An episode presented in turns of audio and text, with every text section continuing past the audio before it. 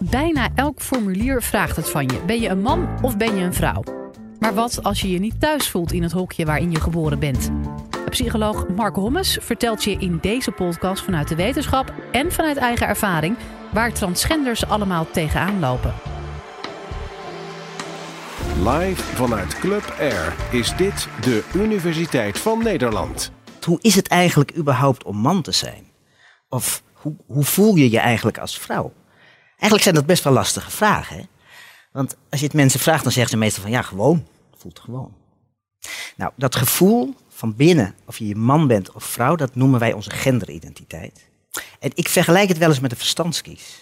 Want op het moment dat die goed zit, ja, dan voel je hem eigenlijk niet. Maar oh wee als hij gaat knellen en niet bij je lichaam past, dan wordt hij pijnlijk duidelijk. Nou, de mensen bij wie dat, voor wie dat opgaat, dus voor wie die genderidentiteit niet past, dat noemen we transgenders. En als psycholoog doe ik onderzoek bij die groep. En vandaag wil ik jullie er kort iets over vertellen. Ik wil iets vertellen over wat houdt het eigenlijk in? Uh, wat zijn de gevolgen ervan? En waar komt het eigenlijk vandaan? En ja, dan eerst wat houdt het in? Uh, transgender, dat is eigenlijk een paraplubegrip. En daar vallen een heel, valt een heel scala aan mensen onder. Uh, en dan kun je zeggen, aan de ene kant, de ene uiterste zijn dat mensen zoals Caitlyn Jenner. Ik weet niet of jullie Caitlyn kennen. Caitlyn is geboren als Bruce Jenner. En Bruce Jenner was een gevierd tienkamper. Dat was een, een sportman, olympisch kampioen. Was beroemd. En in 2015 kwam hij ineens naar buiten met de boodschap...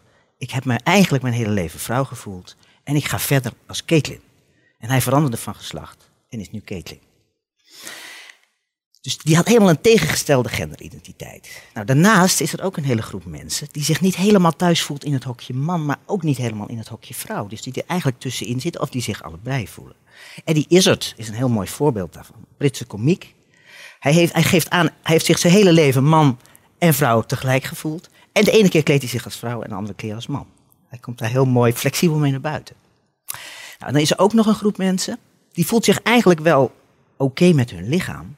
Maar die hebben wel heel sterk de behoefte om af en toe zich te presenteren, te kleden bijvoorbeeld, als iemand van het andere geslacht. En dat noemen we travestie.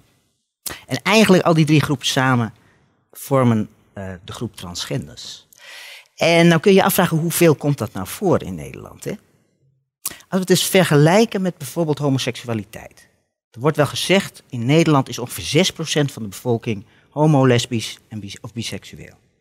Nou, dan ben ik benieuwd wat jullie denken. Hè? Die, wat denken jullie bij transgenders? Verwacht je dat er meer transgenders zijn dan die 6% of minder? Wie, wie verwacht meer? Mag ik even vingers zien? Meer dan 6%?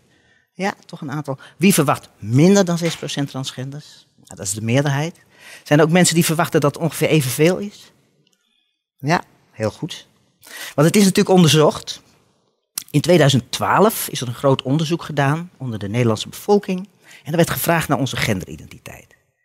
En daar blijkt dat 1% van onze bevolking een tegengestelde genderidentiteit heeft. Zoals Caitlin, zeg maar. Er was ook nog eens 4% van de bevolking die had een, ja, een genderidentiteit ertussenin. Niet helemaal man, niet helemaal vrouw. En er was ook nog eens 1% die aan travestie doet. En als je, die 6, als je dat optelt, heb je weer diezelfde 6%. Dus dat is eigenlijk best wel veel. En ik moet erbij zeggen, niet die hele 6% bestaat uit mensen die er echt last van hebben. En het bestaat zeker niet helemaal allemaal uit mensen die ervoor uitkomen, mee naar buiten komen. Maar in potentie zijn er best wel heel veel transgenders in onze maatschappij. En wat ik nou niet zal doen, ik doe dat soms wel, maar dat is vragen of alle 6% van die mensen nou even hun vinger op willen steken. Maar ik weet inmiddels dat transgenders dat soms heel erg vervelend vinden om er publiekelijk voor uit te komen dat ze transgender zijn. Ik heb het een keer gevraagd aan zaal met 2000 huisartsen en er was één heel moedige vinger. Dus ik ga jullie dat vandaag niet aandoen. In plaats daarvan ga ik jullie voorstellen aan een vrouw. En deze vrouw had jarenlang moeite met haar genderidentiteit, want ze voelde zich geen vrouw, ze voelde zich man. Maar goed, ze wist er wel een manier mee, ze vond een manier om ermee om te gaan. Ze trouwde, ze kreeg een kind, maar die genderidentiteit die bleef wringen. En die bleef niet goed. En het duurde tot haar vijftigste verjaardag, tot zij naar buiten kwam met de mededeling, ik voel mij eigenlijk man. Ging in transitie, veranderde tot man. Nou, het was een enorme opluchting. Het ging hartstikke goed. Iedereen zegt nu Mark, iedereen zegt nu hij. Ja, alleen die jongen die daar op mijn schouder zit, die noemt mij nog steeds mama. En dat is helemaal wat het is, want ik ben zijn moeder en ik ben man. Maar waarom duurt het nou tot je vijftigste voordat je daarmee naar buiten treedt? En waarom is het voor transgenders nou zo moeilijk om daar open over te zijn? Nou, om dat te snappen, moet je je realiseren hoe fundamenteel die hokjes man en vrouw eigenlijk zijn. Vanaf het moment dat wij worden geboren, delen we kinderen in, in man of vrouw. Je kunt je bijna geen leven voorstellen van zo'n kind als je het geslacht niet weet. Het is het meest fundamentele indelingsprincipe dat we kennen. Nou, bij zo'n heel fundamenteel indelingsprincipe horen ook hele vaste normen, hele vaste regels van hoe je hoort gedragen. En het is niet gewoon dat je van het ene hokje naar het andere springt. En op het moment dat er zulke sterke normen zijn, heb je ook kans op stigma. Nou, dat is iets waar ik veel onderzoek naar doe. En ja, stigma, de term, dat komt van de oude Grieken. In die tijd hadden ze de gewoonte, als mensen niet te vertrouwen waren, bijvoorbeeld verraders of misdadigers, dan gaven ze die een duidelijk brandmerk of een snijmerk, zodat je van veraf al kon zien van, oh, maar dit is niet pluis, daar kan ik mij beter niet te veel mee inlaten. Nou, dat doen we gelukkig tegenwoordig niet meer. Maar wat we wel hebben, dat is sociaal stigma. En met sociaal stigma bedoelen we dat we eigenlijk nog steeds denken in termen van groepen die niet pluis zijn. En waar we ons liever niet mee willen inlaten. Daar moet mijn dochter niet mee thuiskomen.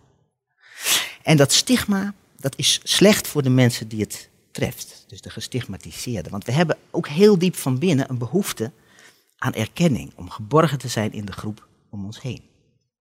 En wat je ziet, is dat mensen die gestigmatiseerd worden vaak veel meer problemen hebben. Nou, er is ook nog iets anders wat er kan gebeuren. En dat is dat dat stigma als het ware naar binnen slaat. Dat wil zeggen dat je gaat geloven in de negatieve denkbeelden die er over jouw groep bestaan. Dat noemen we zelfstigma. Nou, zelfstigma is heel slecht voor de eigenwaarde van mensen, weten we uit onderzoek. Dus en wat we zien is bij die groep transgenders dat die last hebben, duidelijk veel last hebben van stigma, zelfstigma. Want je zou denken in Nederland, we zijn natuurlijk een relatief heel ruimdenkend land. Hè? Het is een land waar je ja, relatief goed transgender kan zijn als je het vergelijkt bij veel andere landen. Maar toch blijkt dat ook in Nederland heel veel transgenders negatief bejegend worden. En dat kan variëren van geweld tot uitgelachen worden of vervelende blikken. Maar die negatieve reacties, die zijn er echt wel. Een, terrein waar je dat wel veel in ziet, dat is bijvoorbeeld werk. Het is voor transgenders best lastig om een baan te vinden als duidelijk is dat je transgender bent. Wat ik wel eens hoor van mensen is dat er wordt gezegd uh, van ja, mijn baas die zegt dan ik ben zelf heel ruimdenkend hoor, dat maakt mij niet uit. Maar ja, ik kan je niet naar de klanten sturen natuurlijk. dat is stigma. Dus je kunt je er ook iets bij voorstellen dat mensen daar niet zo gemakkelijk open in zijn. Nou, en dan is er ook nog, denk je eens in, hè, je bent een kindje en je gaat leren dat de wereld bestaat uit jongens en uit meisjes. En voortdurend stopt men jou in het hokje waar jij jezelf niet in voelt. Dat is ook psychologisch een hele grote ja, een uitdaging in je ontwikkeling, zeg maar. En je ziet ook bij transgenders dat die ontwikkeling daardoor soms ook best wel problematischer verloopt. En dat in ieder geval transgenders heel veel problemen hebben. Lang niet allemaal, maar problemen komen bij transgenders veel meer voor dan in de algemene bevolking. Het meest schrijnende uiting, meest schrijnende uiting daarvan dat zijn de zelfmoordpercentages. Bijna 70% van de, Nederlanders, van de Nederlandse transgenders heeft ooit zelfmoord overwogen. En meer dan 20% heeft ooit een poging gedaan. En dat is tien keer zoveel als normaal. En dat zijn de mensen die het kunnen navertellen. Dus het is echt wel een groep met veel problemen. Ja, en dan kun je je afvragen, hoe, hoe ontstaat zoiets dan? Hoe kun je nou een tegengestelde genderidentiteit krijgen? In de psychologie hebben we daar in de loop van de tijd heel veel verschillende theorieën over gehad. En die theorieën die correspondeerden eigenlijk een beetje met uh, ja, de heersende opvattingen in zijn algemeenheid toen. Hè. Dus in de tijd van de psychoanalyse, dan wordt er gedacht van er is een te, te sterke versmelting tussen moeder en kind. En heel onbewust gaat zo'n kind dan zich identificeren met de moeder. Uh, in de tijd van de behavioristen, de gedragspsychologen, toen dacht men van nou geef mij een baby en als ik het als jongen opvoed dan maak ik er een jongen van en als ik het als meisje opvoed maak ik er een meisje van. Nou, we weten inmiddels dat het niet zo eenvoudig ligt, dat er niet één zo'n oorzaak is. En wat we tegenwoordig ook doen, we leven nu eigenlijk veel meer in de tijd van het brein en van dat we weer gaan zoeken naar de biologische basis. Dus wat je tegenwoordig ziet is dat er heel veel onderzoek gebeurt om te kijken of er misschien een biologische oorzaak is. Ook dat is heel interessant onderzoek. Want wat we onder, andere zien is dat um, uh, de genen waarschijnlijk invloed hebben. Bij tweelingonderzoek blijkt dat er waarschijnlijk een erfelijke component in zit. Dat heeft misschien iets te maken met ontwikkeling in de baarmoeder op het moment, moment dat je hersenen aan het uitrijpen zijn in combinatie met bepaalde hormonen en bepaalde genen. Hoe het precies zit weten we nog niet, maar wel heel interessant. En sowieso dat brein is iets wat we tegenwoordig veel onderzoeken. En het, het, leuke is, kijk, de hersenen van mannen en vrouwen die lijken op de meeste gebieden lijken die op elkaar. De meeste aspecten komen die overeen. Maar er zijn ook bepaalde verschillen. En dan is het interessant om te kijken hoe verhouden de hersenen van transgenders zich daar dan toe. Nou, een van de mensen die daar onderzoek naar heeft gedaan is onze eigen Dick Swaap, hersenonderzoeker. En die ontdekte eigenlijk een beetje bijna per ongeluk een bepaald gebiedje in de hersenen die bij mannen en vrouwen heel verschillend is. Het is een streng, de BSTC zit ergens midden in je hersenen. Uh, en in de kern daarvan, daar hebben de mannen veel meer zenuwcellen dan de vrouwen. Hij deed eigenlijk onderzoek om te kijken hoe het met homomannen was, maar die bleken niet af te wijken van heteromannen. Maar er was toevallig één transgender in zijn steekproef. En hij zag tot zijn verbazing dat die transgender het gebiedje had zoals het bij de vrouw hoort te zijn, terwijl het niet iets is wat verandert door hormonen.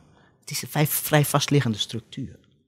Dus dat is een interessante bevinding. Hij heeft inmiddels met veel meer uh, veel meer mensen in zijn onderzoek betrokken. En het blijkt steeds uh, op te gaan. Dat verschil blijkt steeds zo uit uh, te komen. Nou, het is wel lastig onderzoek om te repliceren. Het moet, nog, het moet nog nader onderzocht worden. Maar hiervoor heb je de hersenen nodig van een overleden transgender die zijn hersenen doneert aan de wetenschap. Maar tegenwoordig zijn er gelukkig ook heel veel technieken waarmee je de hersenen in kaart kan brengen. De functie van de hersenen op het moment dat iemand gewoon leeft. En ook dan zien we steeds meer gebieden dat de hersenen van transgenders meer lijken op het wensgeslacht dan op het geboortegeslacht, ook voordat ze aan de hormonen gaan. Dus er zijn best wel aanwijzingen voor die biologische basis. En we verwachten eigenlijk dat, hoe ontstaat die genderidentiteit? Nou, dat is een, een hele reeks van factoren achter elkaar kunnen daar invloed op hebben om het meer de ene of de andere kant op te sturen. De knoop is nog niet helemaal ontward, maar we krijgen er wel steeds meer informatie over. Ja, en um, wat dan als je het hebt? Hè? Want uh, we zagen al, het is een groep waar heel veel problemen bij voorkomen. Nou, vroeger, uh, het was niet de best als je vroeger als transgender naar buiten kwam, want men zag het begin van de vorige eeuw vooral als een waan.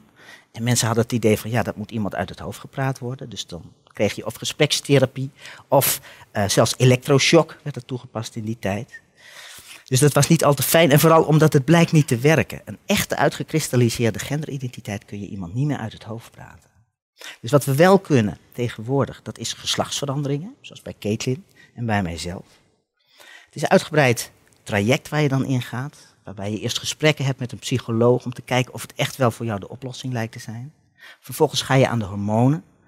En die hormonen die veranderen je lichaam al wat. En in die tijd leef je ook al in het, geboorte, of in het gewenste geslacht.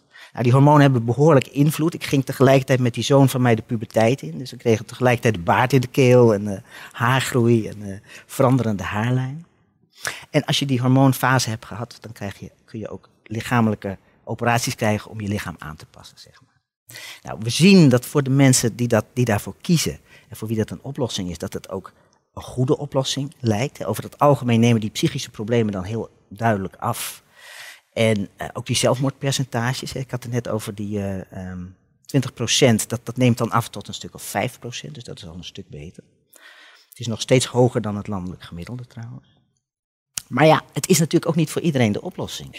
Want die mensen als Eddie Izzard, die voelen zich ook niet het tegenoverliggende geslacht. En niet iedereen wil zijn lichaam zo drastisch aanpassen.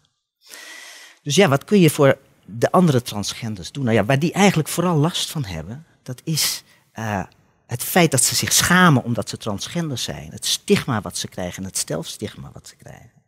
En ja, wat je daaraan kan doen, dat is natuurlijk mensen ondersteunen in hun eigen waarde. En aangeven van het is prima zoals je bent. Maar het allermooiste zou natuurlijk zijn als we dat stigma helemaal kunnen afschaffen. Als we ervoor kunnen zorgen dat die hokjes minder dominant aanwezig zijn. Nou, we weten uit onderzoek ook dat de beste manier om stigma te verlagen, dat is als je mensen leert kennen uit de groep die je stigmatiseert. Dus als ze een gezicht krijgen. En dat is ook waarom we ontzettend blij zijn dat je de laatste jaren zo enorm veel transgenders in de media zitten. Op televisie, uh, in uh, het Songfestival. Uh, je komt ze overal tegen. En voor transgenders zelf is dat heel belangrijk, want mensen hebben dan rolmodellen. Maar voor het publiek is het ook belangrijk, want je ziet dan dat het stigma gaat afnemen. En je ziet dus tegenwoordig dat het voor transgenders ook al steeds makkelijker wordt om naar buiten te treden. Heel duidelijk voorbeeld daarvan is dat het aantal mensen wat gaat voor een geslachtsverandering, wat daarvoor naar buiten komt en naar de genderteams uh, stapt, is sinds 2009 verviervoudigd. Dat is enorm aan het toenemen. Dus ja, we zijn wat dat betreft op de goede weg, denk ik. En als we het moeten samenvatten, hoe is het om een vrouw te zijn terwijl je je man voelt? Nou, dat kan behoorlijk knellen en dat kan heel pijnlijk zijn en problemen opleveren. Die heeft, dat heeft vooral te maken met die hokjes en dat stigma wat erop rust.